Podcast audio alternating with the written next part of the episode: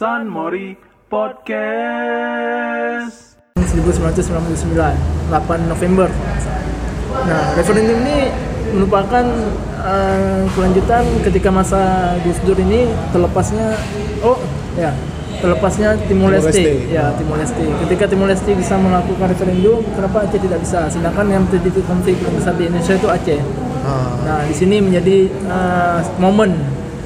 Dan ketika itu kita ketahui juga bahwasanya presiden kita pada saat itu merupakan Abdurrahman Wahid atau Gus Dur ah, yang sangat demokrasi, sangat toleran dan bisa mengayomi semua elemen masyarakat.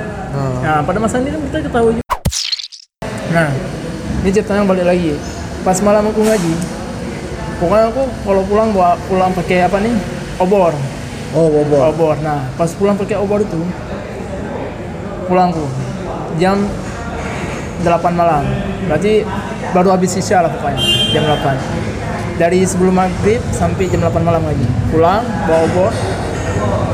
Pas lagi jalan tiba-tiba ada ini kayak api lewat ya serp serp rupanya itu Peluru. peluru serep serep Astagfirullahaladzim jadi kita udah jalani mau keluar pagar tempat ustadznya lah Ah. Tiba ada lagi mau baku tembak langsung balik. Suruh tiarap semua. Bayangin nggak? Kelas 1 SD bocah kelas 1 SD udah lihat peluru terbang depan matanya. Gila memang. Jangankan untuk mengelola negara mengelola kabupaten aja kita masih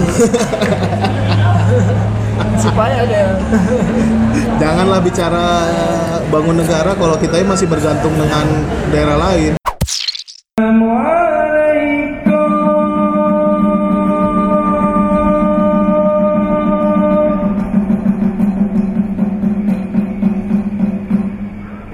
Ke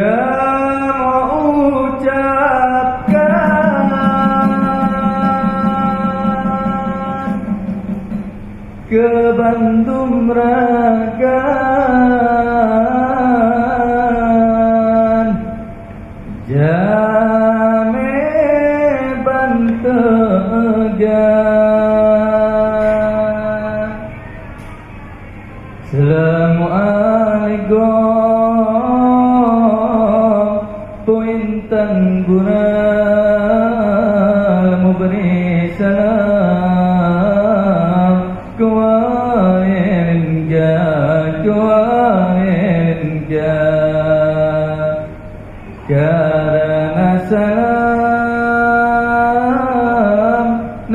Nabi kan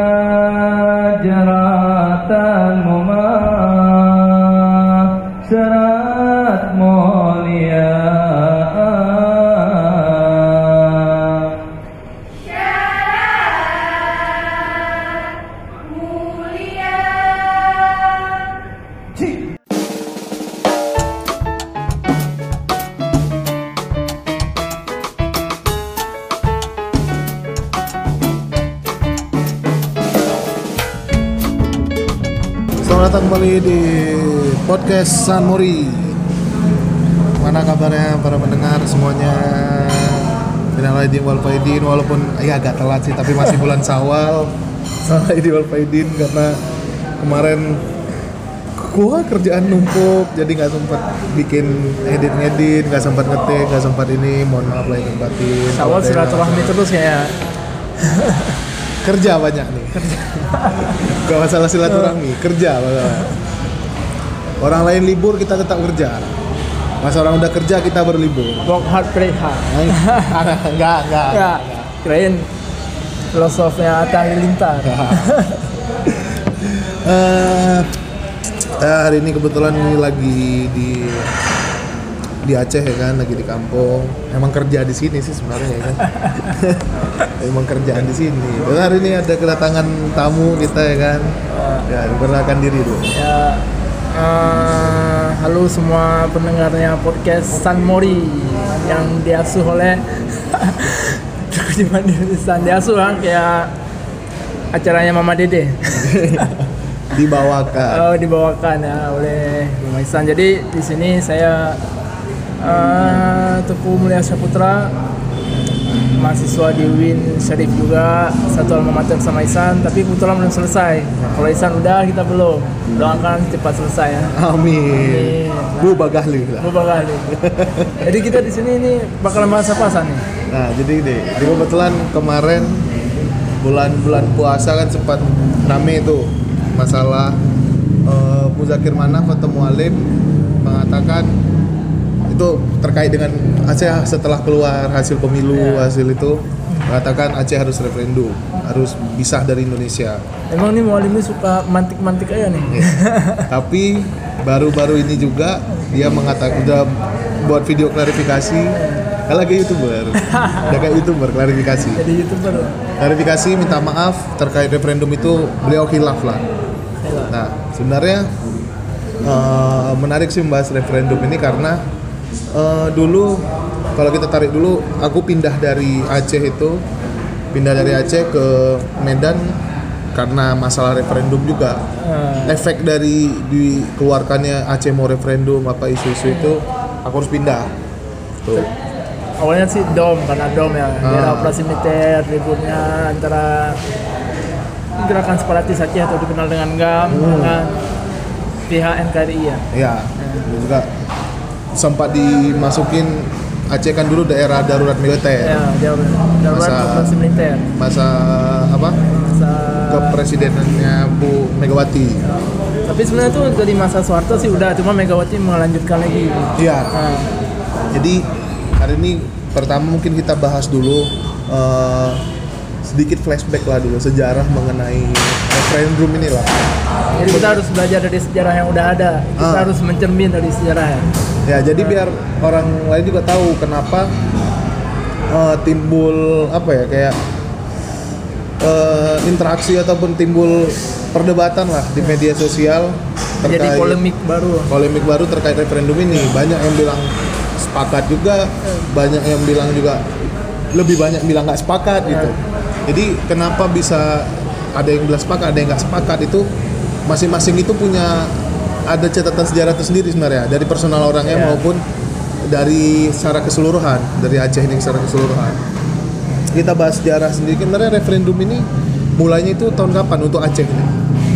Kalau menurut yang aku rasain lah, jadi kan waktu referendum itu aku sendiri lahiran 96 ya. Aku sendiri lahiran 96, jadi referendum itu terjadi tahun 99. Nah, tahun 1999, 8 November. Nah, referendum ini merupakan eh, kelanjutan ketika masa Gus Dur ini terlepasnya oh ya terlepasnya Timor Timor Leste. Ya Timor Leste. Ketika Timor Leste bisa melakukan referendum kenapa Aceh tidak bisa? Sedangkan yang terjadi konflik yang besar di Indonesia itu Aceh. Ah, nah di sini menjadi eh, momen. Dan ketika itu kita ketahui juga bahwasanya presiden kita masa itu merupakan Abdurrahman Wahid atau Gus Dur. Ah, yang sangat demokrasi, sangat toleran dan bisa mengayomi semua elemen masyarakat. Ah. Nah, pada masa ini kan kita ketahui juga bahwasanya pada masa ini masyarakat minoritas bisa muncul, misalnya kayak munculnya agama Konghucu dan agama-agama lain yang aliran, aliran lain yang diayomi oleh pemerintah yang tidak dilakukan oleh masa Orde Baru, yaitu masa Soeharto. Terus juga apa kayak apa etnis-etnis Chinese, Tionghoa juga Ya. kan lebih bebas di masa Gus Dur kan masa Gus Dur. Nah, kebebasan. kan pada masa Gus Dur juga orang-orang Chinese itu tidak bisa disebutkan kafir, tapi non Muslim. Hmm. Nah itu untuk memberikan mereka maksudnya kenyamanan, mereka itu sama haknya dengan kita. Ah, Makanya mungkin para petinggi Aceh melihat ini bukan momen yang harus dimanfaatkan. Makanya muncullah referendum ini. Tapi sebenarnya Aceh ingin memisahkan diri ini kalau kita lihat dari sejarahnya sudah terjadi dari bahkan dari zaman pasca kemerdekaan dulu. Iya, mulai Itu dari kalau- DITI. Ah, DITI kan dulu yang jadi ininya kan Tengku Daud Beru. Eh, Daud Beru kan Ya. yang di daerah Berapa daerah? daerah Tiro sana. Aceh Aceh besar. ah? Daerah Pidi. Oh, daerah Pidi ya. Iya. daerah PD ke sana dari dulu emang udah menjadi inilah dulu juga eh, udah minta memisahkan diri cuman dulu kan isunya itu karena terkait penerapan syariah Syariah Islam, penerapan ya. syariah Islam Iya. dan sekarang di Aceh akhirnya bisa di apa terrealisasi lah masalah syariat Islam ini tahun sekitar tahun 2004 atau 2005 Iya. kata itu masa pokoknya masa presidennya SBY. ya SBY Jadi daerah Aceh itu jadi daerah khusus sebenarnya. khusus ya jadi Itu, itu kalau kita lihat dari sejarahnya gitu kan. Kalau tarikan sejarah lebih panjangnya lagi, tapi kalau kita lihat dari sejarah kembali lagi ke tahun 99 itu eh keadaannya itu gimana sebenarnya masa pada masa itu? pada masa ini jadi yang harus kita ketahui bahwasanya yang awalnya yang menjadi penggagas atau pencetus referendum ini bukan dari pihak GAM yang kita ketahui sebagai gerakan Hmm. Aceh Merdeka. ya. Aceh Merdeka tapi dari pihak mahasiswa. Dan mahasiswa itu merupakan mahasiswa yang ada di Jawa. Ketika itu muncul satu uh, komunitas Kompas namanya itu uh, kumpulan mahasiswa Aceh Serantau yang mana di situ terdiri dari KM PAN. KM PAN ini merupakan kumpulan daripada organisasi primordial-primordial yang ada di Nusantara. KM PAN itu sendiri merupakan panjangan dari uh, Keluarga, keluarga apa koalisi? apa ya? Kalau nggak keluarga, Ah, koalisi lah. mas- mahasiswa Aceh, Aceh Nusantara. Nah, itu. Dan yang kita ini yang dari Jakarta, Isan, uh, aku kan kita mahasiswa Jakarta termasuk dalam Imapa. IMAPA merupakan salah satu presidium daripada KMPAN. Nah, yang harus kita ketahui bahwasanya referendum ini muncul daripada mahasiswa dan bisa mengumpulkan 106 lembaga mulai dari luar Ya, bukan kayak sekarang ini mungkin bahasan referendum untuk saat ini cuma bahasan kedai kopi yang kayak Ah. kita rasakan sekarang ini. Kalau dulu yang betul-betul serius. Nah, itu yang harus kita ketahui saya yang menggerakkan orang masyarakat sipil bukan dari gerakan Aceh separatis. Nah, tetapi GAM sendiri melihat bahwasanya ini merupakan salah satu keuntungan bagi mereka. Mereka pun mendukung penuh gerakan itu sehingga ketika jadi perkumpulan 106 lembaga tersebut muncullah satu namanya SIRA, Sentra Informasi Referendum Aceh. Nah, SIRA ini kemudian berevolusi menjadi Partai. ya? partai di Partai Aceh, Sira juga. ya, partai lokal. Terus eh sebenarnya kalau itu kan kalau dari segi sejarah politisnya lah, Hmm. ya kan. Terus kita juga bergeser ke sejarah eh, keadaan sosial ekonomi pada saat itu. Karena Oh, iya. jujur aku dulu ngerasain pada saat masa udahlah masa Krismon Hmm. 98 99, emang aku masih kecil, cuman diceritakan langsung sama ayahku sendiri sebagai apa ya korban lah bahasanya ya kan korban dari hasil dari ini semua gitu pada saat itu keadaan tuh udah nggak apa ya nggak kondusif lah Kondusif bisa lagi, ya. udah, udah kacau lah gitu karena masalahnya bukan hanya ekonomi kita yang terancam tapi nyawa juga Nyawa kita. apalagi orang-orang yang memiliki ma- maksudnya jabatan atau duit lebih itu nggak tenang lah pada saat itu Ya.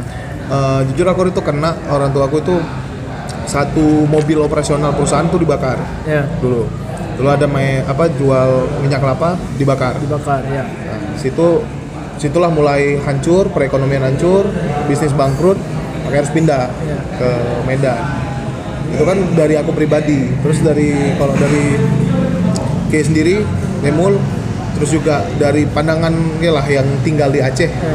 saya kan udah udah pindah ke Medan itu nggak terlalu ngerasain itu gimana Ya. Yang harus kita ketahui misalnya setiap daerah konflik Hmm.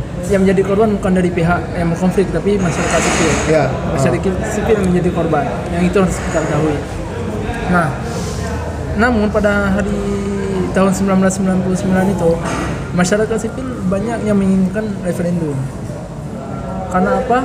Karena mereka termakan oleh isu bahwasanya tidak ada keadilan dari pusat ke ke ya Aceh. isu lama lagi Isu diangkat lama, isu isu ya. Daud Beruh itu diangkat lagi kan? diangkat kembali. Nah itu. Sehingga apa jadinya? Banyak perusahaan-perusahaan nasional atau juga perusahaan internasional yang membuka perusahaannya di Aceh harus gulung tikar.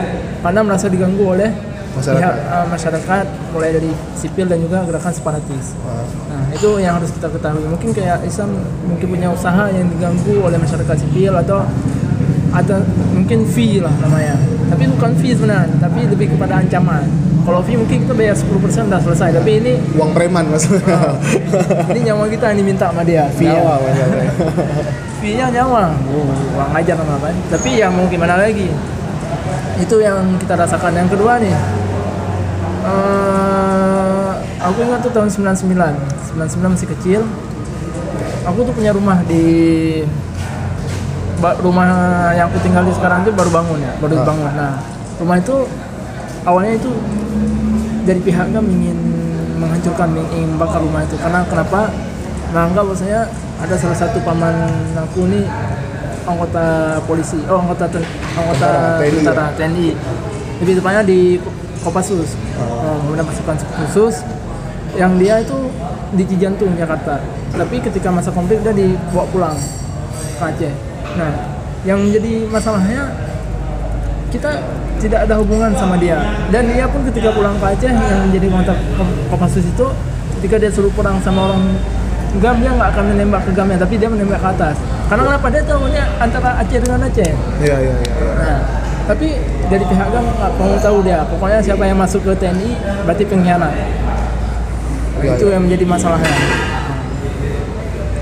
Tapi eh, terlepas pada itu, yang jelas masyarakat sipil menjadi korban. Betul itu pada saat itu kan juga eh, menyebabkan kan invasi besar-besaran lah dari masyarakat Aceh Ya, untuk keluar dari untuk Aceh. keluar Aceh. Semua ya jadi makanya jangan heran kalau di Medan itu banyak orang Aceh. Mungkin ada eksodus besar-besaran. Ya. Hijrah besar-besaran. Hijrah, hijrah besar-besaran. Di Medan banyak orang Aceh, di Jakarta banyak orang Aceh. Di Jakarta ya orang Karena pada saat itu keadaan di sini tuh udah nggak udah nggak nyaman lagi, memang sudah tidak kondusif lagi. udah nggak kondusif, udah yang jadi masalah itu kayak aku bilang tadi nyawa yang jadi Iya. ancaman. Yang yang itu jadi aku juga pernah ini juga apa eh, pada situ masih kecil masih ingat masih ingat ada itu umur umur 4 sampai lima tahun tuh masih ingat teringat lah masih terekam lah itu lagi di bus mau jalan ke Medan. Ya. Bulan puasa mau lebaran di Medan bosnya itu di bus itu ada aku ada keluarga ada mama ada ayahku juga. Di perjalanan itu kita ketahan selama dua hari. Ya. Karena di depan lagi ada perang. Antara masyarakat antara dengan eh, TNI ataupun angkatan militer dari Indonesia. Indonesia melawan dengan masyarakat separatis. Nggak kita ketahan di situ nggak bisa makan nggak bisa ngapa-ngapain nggak bisa ke mana-mana. Betul-betul apa ya menakutkan lah gitu. Iya. bisa untung aja kalau mungkin aku tuh di umur-umur SMP ataupun di umur SD yang udah mulai kelas 5 atau apa itu mungkin bisa jadi trauma besar gitu. Ini karena masih kecil ini nggak terlalu kita belum terlalu tahu ah. belum terlalu inilah. Ya. cuman ya ayah sama orang tua aku masih ngerasa lah trauma itu. Masih ada trauma itu terasa. Jadi terus juga pernah pas di rumah dulu kan kita nggak boleh main ini nggak boleh main petasan. Ya karena kita orang tua kita macam trauma lah. Karena kalau dengar suara petasan tuh kayak suara tembak. Nah, kirain ntar Lagi perang. ah, lagi perang. Karena aku pernah tembak. pernah lagi makan ingat kali lagi di rumah tiba-tiba ada suara ledakan. Semuanya harus tiarap padahal itu nggak tahu itu itu entah petasan entah emang orang lagi perang aja. Nah itu nggak tahu. Tuh jadi bener-bener nggak nyaman lah dulu. Tinggal tahun itu kan. Yang aku ingat juga nih tahun 2002 ini kita beralih ya tahun 2002 nih. Ah. dari tahun 99 ketika referendum yang tidak berhasil tahun 2002 Megawati berkuasa. Nah ketika Megawati berkuasa Aceh jadi dom lagi. Nah tahun 2002 aku kelas 1 SD nih. Nah, aku udah di Medan tuh Udah di Medan, ya? Udah di Medan. aku kelas 1 SD aku tuh ngaji ngaji jadi kan seperti masyarakat Aceh umumnya lah. Pagi sekolah siang ngaji malam ngaji.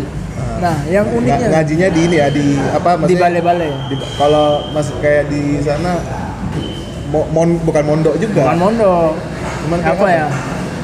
balai pengajian lah pokoknya. Ya belajar ngaji lah. Belajar ngaji. belajar ngaji ke ustadz lah kalau orang Padang surau. Hmm. nah, kalau di sini ke Menasa. Nasa nah, nah aku siang ngaji malam ngaji. Nah yang uniknya kalau malam ngaji itu kondisi di kampung aku tuh listrik mati. Nah, listrik sengaja dimatiin oleh oknum lah oknum kita bilang. Yang mana untuk apa? Ketika mereka gerakan separatisnya berpindah-pindah tempat pada malam hari. Kalau siang hari mereka tetap berdiam berdiam diri tidak pindah-pindah malam baru bergerak. Nah ketika mat- listrik mati mereka tidak akan terdetek lah oleh pihak TNI nah mereka itu tujuan mati lampunya nah ini ceritanya balik lagi. Pas malam aku ngaji pokoknya aku kalau pulang bawa pulang pakai apa nih? Obor. Oh, bobor. obor. Nah pas pulang pakai obor itu pulangku. Jam 8 malam. Berarti baru habis isya lah pokoknya jam 8 dari sebelum maghrib sampai jam 8 malam lagi. Pulang bawa obor pas lagi jalan tiba-tiba ada ini kayak api lewat ya serup serup. Rupanya tuh Peluru. peluru. Serup serup. Astagfirullahaladzim. Jadi kita udah jalani mau keluar pagar tempat ustadznya lah. Nah, tiba ada lagi mau baku tembak langsung balik. Suruh tiarap semua. Bayangin nggak? Kelas 1 SD bocah kelas 1 SD udah lihat peluru terbang depan matanya. Gila memang. Ini kalau aku bilang ah, mungkin kalian nontonnya di film-film kita merasakan langsung kita, ya. kita kita merasakan langsung. Nih ada juga pernah tuh kelas 2 kalau nggak salah. Pokoknya masih SD kalau nggak salah tuh kelas 2 lagi belajar lagi istirahat tiba-tiba ada helikopter muter-muter di atas Sekolah. ah. helikopter muter-muter di atas sekolah langsung bunyi bel tret tret tret pulang semua selesai kita pulang langsung perang Jadi apalagi daerah kita ini kan salah satu daerah konflik paling paling parah paling parah juga. kita kan di Aceh Utara Aceh Timur Aceh Utara Aceh Timur kan yang paling sama PD yang paling tinggi lah tingkat konfliknya. Konfliknya. karena masih di daerah yang gimana ya? Masih kabupaten masih perdesaan. Panglimanya aja orang Aceh Iya. Utara Panglimanya satu kampung lagi. Ya itulah makanya daerah kita memang daerah paling kacau lah paling rawan lah gitu kan. Terus juga dulu kalau ngebayangin gimana kita itu kalau kita di kendaraan umum nih pasti ada anggota militer. Pasti. Dan sebentar-bentar razia. Nah, yang lucunya nih, kehidupan di Aceh cuma dari pagi jam setengah tujuh pagi sampai dengan jam setengah tujuh malam. yang enggak setengah tuh jam 6 lah Jam 6 sore ya, jam 6 sore pokoknya udah habis maghrib tuh udah selesai. udah selesai Jalan sepi, bisa tidur tiduran. Iya. Pokoknya dulu kalau kami kecil nih habis maghrib tuh udah nggak boleh keluar rumah, Bisa keluar lagi. nggak bisa keluar. Karena kenapa? Yang kayak kita bilang tadi, malam merupakan waktunya Mereka operasi. operasi. Ketika ada mobil lewat-lewat, pasti kena stop. Kena stop, ya harus bayar fee lah. Jadi pajak bukan untuk negara aja, harus juga untuk Mereka mereka lah. pajak pajak mereka. Bahkan sampai sekarang masih itu. Sampai- sampai sekarang. Masih itu nanti aku bakal bahas di episode tersendiri mengenai bagaimana susahnya di Aceh ini terkait uang preman ini. Hmm, Ada, ya. aku dapat pengalaman langsung dari salah satu perusahaan internasional lah, multinasional di sini. Nanti aku bakal jelasin di episode selanjutnya. Eh, terus juga kalau kita bicara ini apa intermezzo ya, Hmm. kita dulu pernah di Aceh itu satu bulan nggak ada listrik. ada rasa Ya, ya? pernah. Bulan puasa, Nah, memang sengaja mati. yang enggak bukan yang matiin, yang dicuri Oh, kabel trafo. trafo dicuri Nah, yang iya, di sana Di daerah Aceh Timur. Aceh Timur. Nah. Tuh jadi kita pernah ngerasain hidup primitif di sini. Satu bulan tanpa listrik. Satu bulan coba, nggak ada TV, Nggak ada kulkas. nggak ada kulkas. Tapi kita bisa hidup. Buktinya sekarang kita masih hidup. Pak. Iya. Kalau mau tahu tuh, kita pernah hidup primitif lah sebulan lebih. Eh, terus juga balik lagi kita balik lagi ke masalah eh, referendum ini. Kalau kita lihat juga yang gimana ya pas itu kan daerah masa darurat militer, masa-masa nggak enaknya, mulai redanya itu kan tahun berapa lu? Lupa gue tahun berapa gitu? Setelah tsunami. Setelah tsunami Nah. ya. Berarti tsunami itu bisa dibilang sebenarnya kalau kami bilang berkah juga. Berkah. Jadi benar tuh di balik musibah pasti ada Berkah. Hikmahnya Ada tuh. hikmahnya. Nah, jadi kita nggak tahu ya, mungkin ya ada jalan Tuhan gitu ya. Bisa jadi ya itu teguran lah. teguran. Makanya kalau kita pikir-pikir kalah menang jadi menang jadi arang, kalah jadi abu. Ah, menang jadi arang, jadi kalah jadi- antara ketika udah banyak yang meninggal, ketika dulu misalnya nih konflik nih, konflik banyak yang meninggal tapi ketika tsunami sekali hantam serap selesai baru damai baru sadar diri oh iya ya udah pada meninggal semua. Nah itu mungkin antara NKRI dan gerakan separatis baru sadar kita nih harus damai nih nggak usah lagi berlanjut pada saat itu kan yang mendamaikan itu kan masa presidennya SBY SBY Yusuf Kala. Kala, ya. Jadi bahkan kalau orang Aceh menganggapnya SBY yang paling berperan, Ya. tapi sebenarnya juga Yusuf Kala perannya jauh lebih besar di situ dalam perdamaian Aceh ini. ya tokoh perdamaian Tokoh perdamaian apa eh, nama ininya perjanjiannya MOU Helsinki Helsinki ya, Ya, tahun MOU. 2005. 2005. Yang itu kan 15 September 2005 disaksikan langsung, dilakukan secara langsung penghancuran senjata, Ya. walaupun nggak semua itu ya. pasti ada simpan-simpan dikit Ya itu, ya ini secara simbolis sudah inilah dipotong-potong lah dihilangkan Dihilangkan. Sebenarnya kalau kita mau bahas lebih serunya dari mana mereka dapat senjata itu, Ah, itu cuman susah itu kita harus cari pakarnya sendiri lah nanti. pasti ada. Pasti ada. Kenapa bisa mereka dapat senjata api yang ini juga nih mungkin termasuk juga ya pengalaman nih. Pas masa konflik itu ini orang tua aku nih. Nah mereka menganggap orang tua aku kebetulan PNS. Eh, mereka menganggap semua PNS itu makan gaji negara. Dan gaji negara itu harus dibayarkan pajaknya kepada mereka. Eh, pernah tuh satu hari datang nih tentara rumah datang. Mereka datang silaturahmi sowan lah istilahnya. Dengan permintaan dibelikan senjata. Jadi mereka minta pajaknya setahun harus ada satu senjata dari keluarga aku kalau nggak minimal selama perjuangan ini harus ada satu senjata dari setiap PNS nah orang tua aku diminta beli senjata. Ketika itu laras panjang kalau nggak salah. Harganya sekitar 30 juta.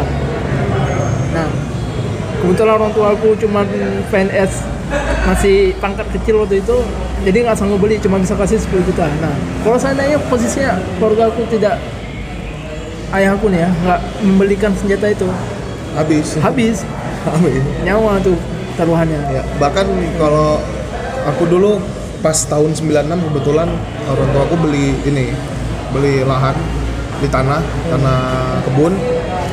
Tahun 99 itu eh, seharusnya mulai menikmati hasil. Iya, Tapi karena demi keselamatan nyawa dari tahun dari pokoknya dari awal awal tanam sampai tahun 2005 tuh kita sama sekali nggak ngerasain hasil.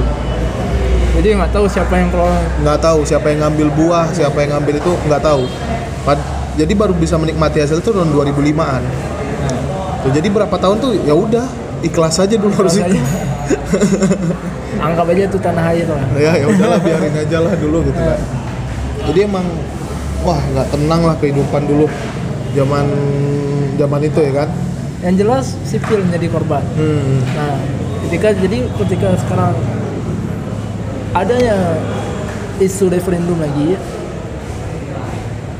yang jelas masyarakat sipil mungkin agak udah tidak Nggak ini. lagi. Apalagi yang dulu-dulu pernah jadi korban ya, Ya, kan? yang, yang yang keluarganya meninggal, yang ataupun keekonominya terkuras ataupun apa kan itu pasti nggak mau lah karena traumanya gede gitu di situ. Banyak yang ya yang sakit-sakitan juga pada saat itu jadinya. karena harus bangkrut, harus ini kan. Yang harus kita tahu nih, mungkin bukan cuma masyarakat sipil, mantan kombatan pun mungkin nggak mau lagi referendum. Hmm. Orang mereka udah menikmati hasilnya sekarang. Misal nih ribut lagi, ya lahan mereka yang bakalan terganggu, Iya, iya, usaha iya. mereka bakalan terganggu. Mereka mungkin sebagian nggak akan mau, lah. sebagian mungkin karena ada kepentingan bakalan ini. Terus kira-kira apalagi sejarah yang menarik lah mengenai referendum ini atau yang yang memorable lah dari masa kita bilang masa konflik lah itu. Ah, nih, jadi yang menjadi pertanyaan lah sekarang, kenapa referendum Aceh itu gagal? Nah, ini ini mungkin pelajaran di bukan pelajaran apa, pelajaran politis, pelajaran bagaimana meredamkan konflik dari seorang Gus Dur. Iya iya betul betul betul. Menurut yang aku dengar cerita nih ya, ketika tokoh referendum itu Muhammad Nazar yang dari Sira tadi itu melakukan orasi di depan Siraya, ketika itu Gus Dur masih di Kamboja melakukan kunjungan. Ya Gus Dur kan saat itu eh, program kerjanya keliling dunia. Keliling cuma berapa bulan hampir semua dunia gitu. hampir semua negara. Tujuannya apa? Buat em, diplomasi diplomasi. Diplomasi. Buat Nah, Indonesia buat juga Indonesia. Nah.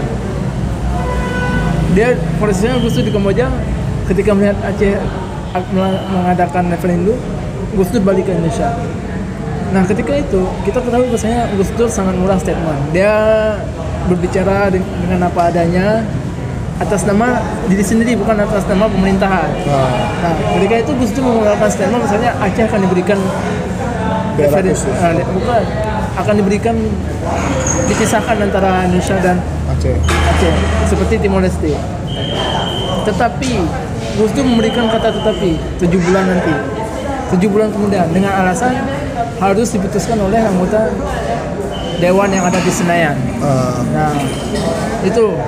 Nah, di sinilah Muhammad Nazar ketika mendengarkan statement tersebut, dia mulai melunak.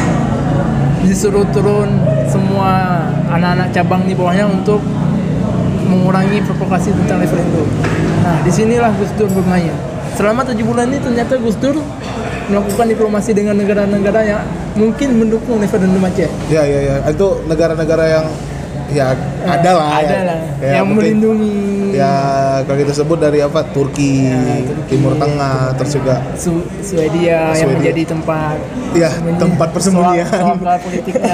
Iya ya Swedia tempat persembunyian. Nah, atau negara-negara lain. Nah, Gus Dur melakukan diplomasi. Yang mana diplomasi ini berhasil. Ketika referendum ini mau digerakkan kembali sudah kehilangan momennya, sudah kehilangan powernya. Hmm. Satu-satu tokoh referendum ditangkap, tangkap semua. Sehingga masa Megawati Aceh menjadi damai. Itu, itu taktik dari seorang Gus Dur. memang efek dari masa referendum itu orang Aceh itu banyak nggak suka Gus Dur dia ya kan yang pertama itu Ya. yang kedua orang Aceh nggak suka Megawati. Ya. makanya PDI itu kalah telak di sini bahasanya. Tapi kita yang lucunya nih, ketika pedang, Prabowo menjadi danjen Kopassus. Tapi referendum ini bergulir dari 2014 dan 2019 ini akibat kalah pilpres. bisa jadi. Itu nantilah.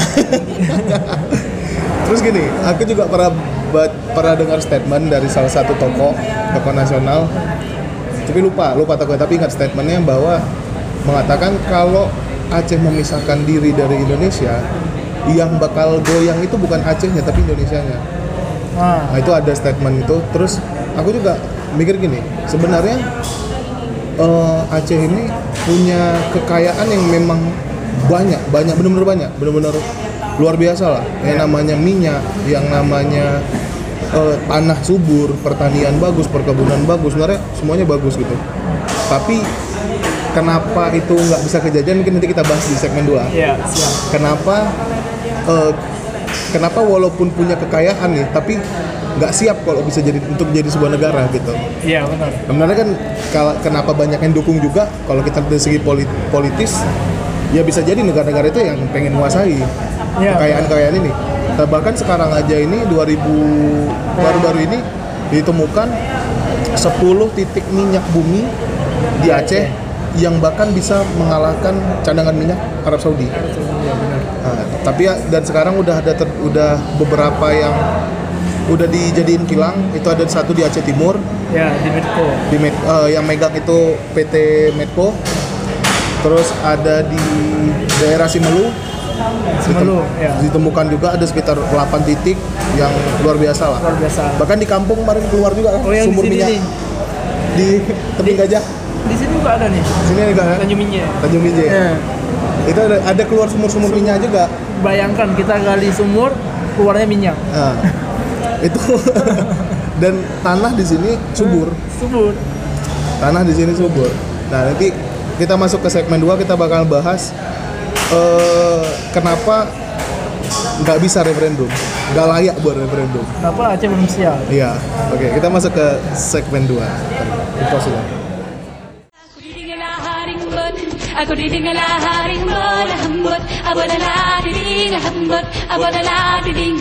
Aku ditinggal haring buat eh aku ditinggal haring buat hambat eh bodala diding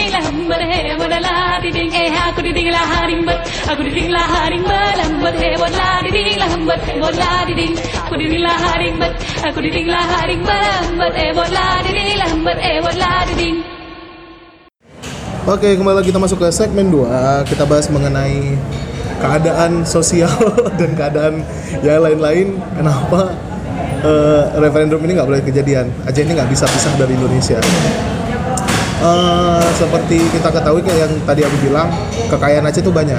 Bahkan dari zaman dari zaman dulu, dari zaman Belanda, dari zaman kerajaan, Aceh itu juga apa eh, pusat pelabuhan, Iya. ya kan, buat di daerah Malaka. Selat Melaka ya. Selat Malaka, Singapura, apa semuanya kan di sini. pintu masuk Ya pintu masuk kan. Terus juga kekayaan alamnya luar biasa. Eh, tapi kenapa belum siap gitu? Nah, kalau aku ngeliatnya gini, pertama kita lihat dari segi inilah. Yang paling paling dasar dulu lah pendidikan. Pendidikan di kita ini masih, waduh, salah satu salah satu provinsi dengan tingkat pendidikan paling rendah dengan nilai UN paling rendah iya Aceh tapi yang lucu eh kalau kita bilang banyak orang yang pintar banyak banyak tapi nggak di sini tidak terakomodasi di Aceh. Iya, pertama nggak terakomodasi. Yang kedua, orang-orang pintar ini banyak yang nggak di sini, ya pada keluar semua pada keluar semua. iya benar benar Ka- ka- karena gini juga, maksudnya buat ini ya, maksudnya aku kan dulu sekolah di Medan. Ketika pulang ke Aceh itu dibanding-bandingkan. Dulu, bener nggak sih? Belajar bahasa Inggris tuh baru kelas 5 SD. Aku sendiri belajar ya kelas 4 kelas 5 ya Kelas 4 kelas 5 Iya. baru ada pelajaran bahasa Inggris Iya. kan di sini. Sedangkan kalau di Medan atau apa dari kelas 1 udah dipelajari bahasa Inggris. Dari situ kita udah lihat keter, ketertinggalan kita gitu. Ini mohon maaf, aku nih aku SD di Aceh Nah, belajar what is your name my name is itu kelas 4 SD kelas 4 kan? Kelas empat. Sedangkan aku tuh kelas 1 belajar itu. Kemudian untuk eh, kalau simple simple pas atau apa itu Tenses gitu berarti ya? grammar ya Ah, grammar. itu aku belum kenalnya tuh kelas 2 SMP kelas 1 SMP Ah. Karena aku SD udah belajar itu berarti selebihnya kalau belajar bahasa Inggris ada teks cerita terjemahin cari kamus dulu ada kamus seribu miliar itu nah yang warna-warni. Warna-warni. Tebal segini. tak benar satu miliar tangga loh tahu tahu tuh kampus ya. Uh, terus juga dulu uh, ini Aceh juga sampai sekarang masih ya apa jaringan TV. ya oh ya benar Jadi kalau mau tahu kita itu dulu TV itu yang bisa kita akses cuman TVRI. Ya RCTI kabur-kabur Ya, RCTI kadang-kadang bisa, kadang-kadang enggak. terakhir aku dapat metro di rumah Metro tidak dapat. ya itu kalau pakai antena biasa Ah, jadi zaman dulu itu kita tuh harus pakai parabola, Iya. antena Sampai parabola. sekarang. Sampai sekarang malahan. jadi kalau buat mau ngakses TV itu, dulu kita harus beli antena tambahan. parabola. Parabola. jadi di depan rumah orang-orang Aceh itu pada parabola besar-besar semua Nah, itu buat apa? Buat nonton TV. Karena kita nggak dapat akses, Iya. sama sekali nggak dapat. nggak dapat akses kalaupun dapat akses tuh kalau Aceh ini berarti daerah sampai Langsang Ah, Langsang mungkin karena dekat sama Medan, Medan, iya, sama. Medan. itu pun kaburnya minta ampun eh, terus juga kalau kita bicara juga di Aceh ini balik ke pendidikan bahkan sampai sekarang kita lihat pendidikan kita masih Aceh ini masih kurang lah pendidikannya baik itu dari SD sampai SMA sekalipun kecuali pendidikan agama ya pendidikan Ya. agama buat pesantren buat ininya bagus sangat bagus malahan. Nah kalau kita bilang pendidikan ya kalau orang Aceh tetap pendidikan agama pasti. Iya. Kalau kita orang kuliah mungkin aduh, aku pun nggak tahu bilang nggak tahu kata apa ya kan cocok bilang. Mungkin dianggap sekuler lah kita nih yang kuliah kuliah walaupun kalau kita kuliah agama atau di UIN ya pulang aja kita nggak bisa naik kurban lah. Ya, tapi emang kalau dari segi agama diakui, walaupun tanpa harus mengikuti pendidikan formal, maksudnya nggak harus sarjana sekalipun, tapi eh, lulu apa orang Aceh ini ilmu agamanya kuat-kuat. Kuat. karena kuat ngaji juga. Dari kecil pun udah ditanamkan buat ngaji gitu kan. ya benar pokoknya kalaupun eh, lu nggak sekolah kita nggak sekolah SD pokoknya dia ngaji berapa tahun ngaji? Misal 10 tahun. Dia tetap terhormat di kampung. Iya. Ya, yang penting dia ngaji itu aja sih. Makanya ketika pemilu kemarin isu agama sangat laku di Aceh.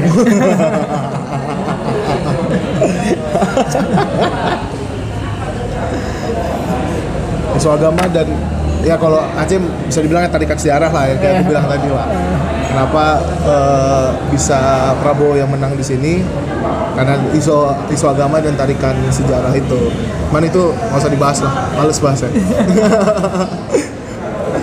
terus balik lagi ke selain dari itu kita bisa dibilang keter- ketertinggalan kita bukan hanya dari pendidikan tapi bahkan dari teknologi. Dari yang namanya eh, maksudnya kayak teknologi belajar komputer buat anak Aceh itu dulu telat susah. Sulit. Sulit. Aku tuh baru kenal pelajaran komputer itu kelas kelas 2 SMP maksudnya dari itu kita lihat ketertinggalan kita bahkan sampai sekarang masih itu masih terasa. Bahkan kalau kalau di kampung aku apalagi yang masih daerah kabupaten bahasanya bahasanya masih daerah kabupaten masih berasa lah yang namanya kesenjangan itu terus eh, itu yang pertama. Terus kalau kita lihat juga dari segi infrastrukturnya gimana? Listrik terutama. Padam-padam enggak tapi betul, aku pulang ini cuma tiga kali kayak yang padam. Cuma nggak tahu ya apa karena udah lu udah lebih bagus. Kan lebih bagus atau padamnya pas, pas aku tidur nggak tahu. Ya, cuman mungkin orang Jakarta, kalau Medan masih ngerasain lah. Dulu gimana? Sehari itu bisa tiga kali mati listrik, sekali mati tuh empat jam, empat jam kadang-kadang setengah hari kadang-kadang setengah hari. Makanya parah lah. parah Yang namanya listrik itu dulu susah. tapi aku dulu pas masa ngaji-ngaji aku senang mati listrik Emang kenapa? libur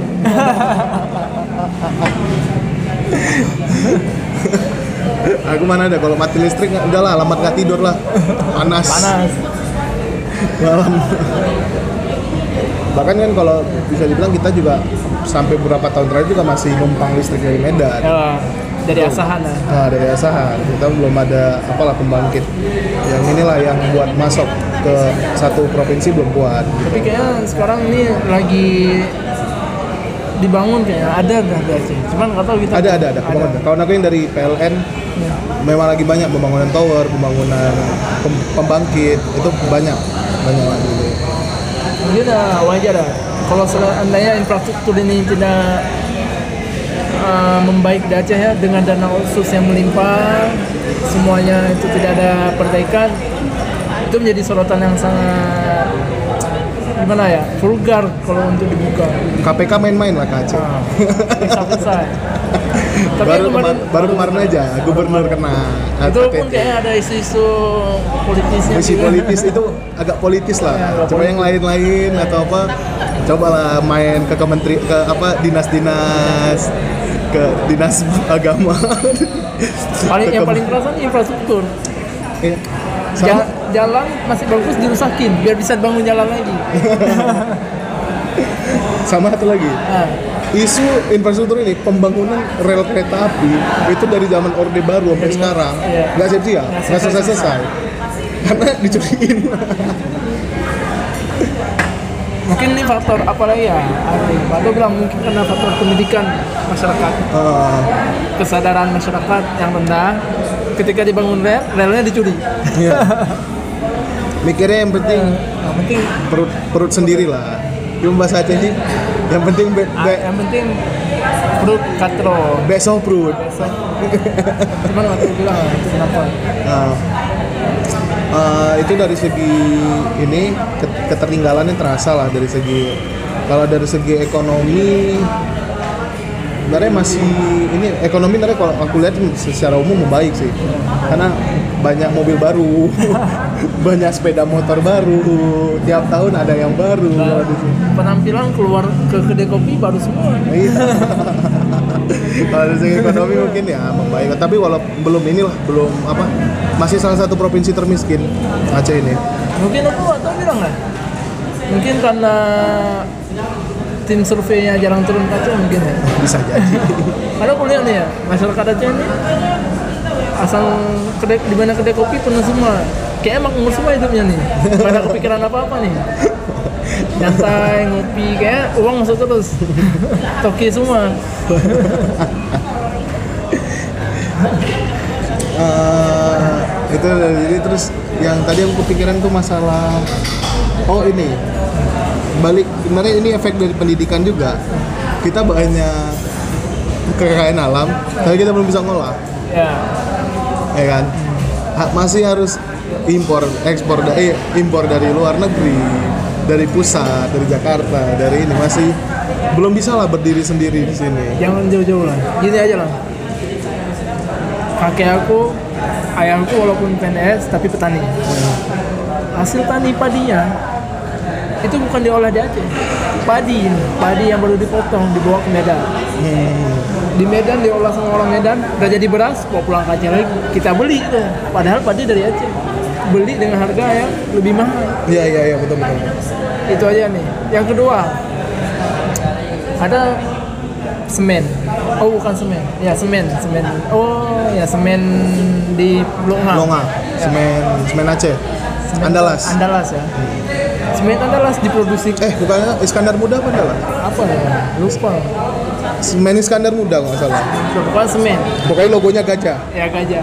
Itu semen diproduksi di Aceh. Dari Aceh dibawa dengan kapal tongkang ke Medan. Dari Medan baru dimasukin lagi ke Aceh. Jadi orang bukan orang Aceh yang menjualnya ke Medan. Dari pabrik dibawa ke Medan dulu sama toko-toko Cina Medan baru masukin lagi ke Aceh. Kita beli dari harga toko Cina. Ya kayak gitulah emang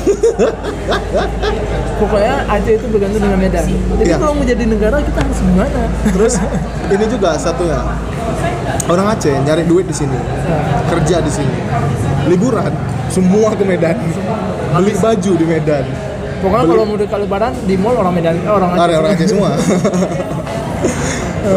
Bahkan di sekolahku nih, sekolahku nih, sekolahku tuh dulu SMA di Medan itu bisa dibilang 30% isinya orang Aceh. Sekolah di Medan nih, 30% isinya orang Aceh. Yang sekolah di situ.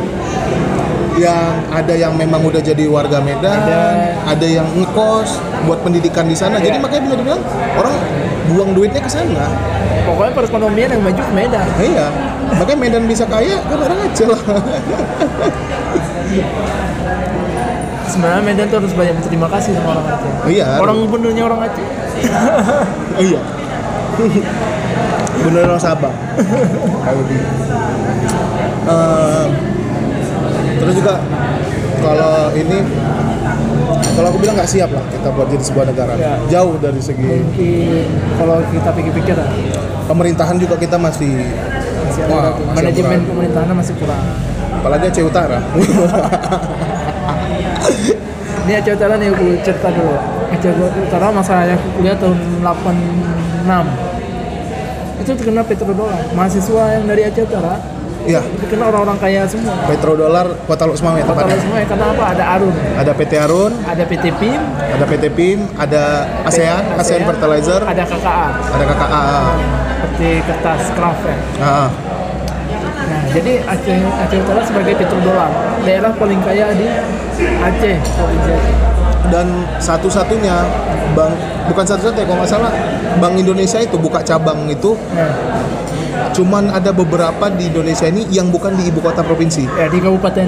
di kabupaten atau di kota yang bukan bukan ibu kota. Ya, itu salah satunya di Lusmawe Di Lusmawe. di Aceh Utara. Karena perekonomiannya sangat wah dulu kacau sih di situ. Chevron di situ PT Arun di situ Exxon Mobil. Exxon Mobil di situ PT PIM di situ ASEAN Fertilizer KKA terus juga eh, pokoknya dulu penghasil gas apa di situ semua sini semua. dekat dari rumahku kok ininya Iya. tabung minyaknya Tapi yang lucunya ya sekarang kok ngerasa apa apa ya?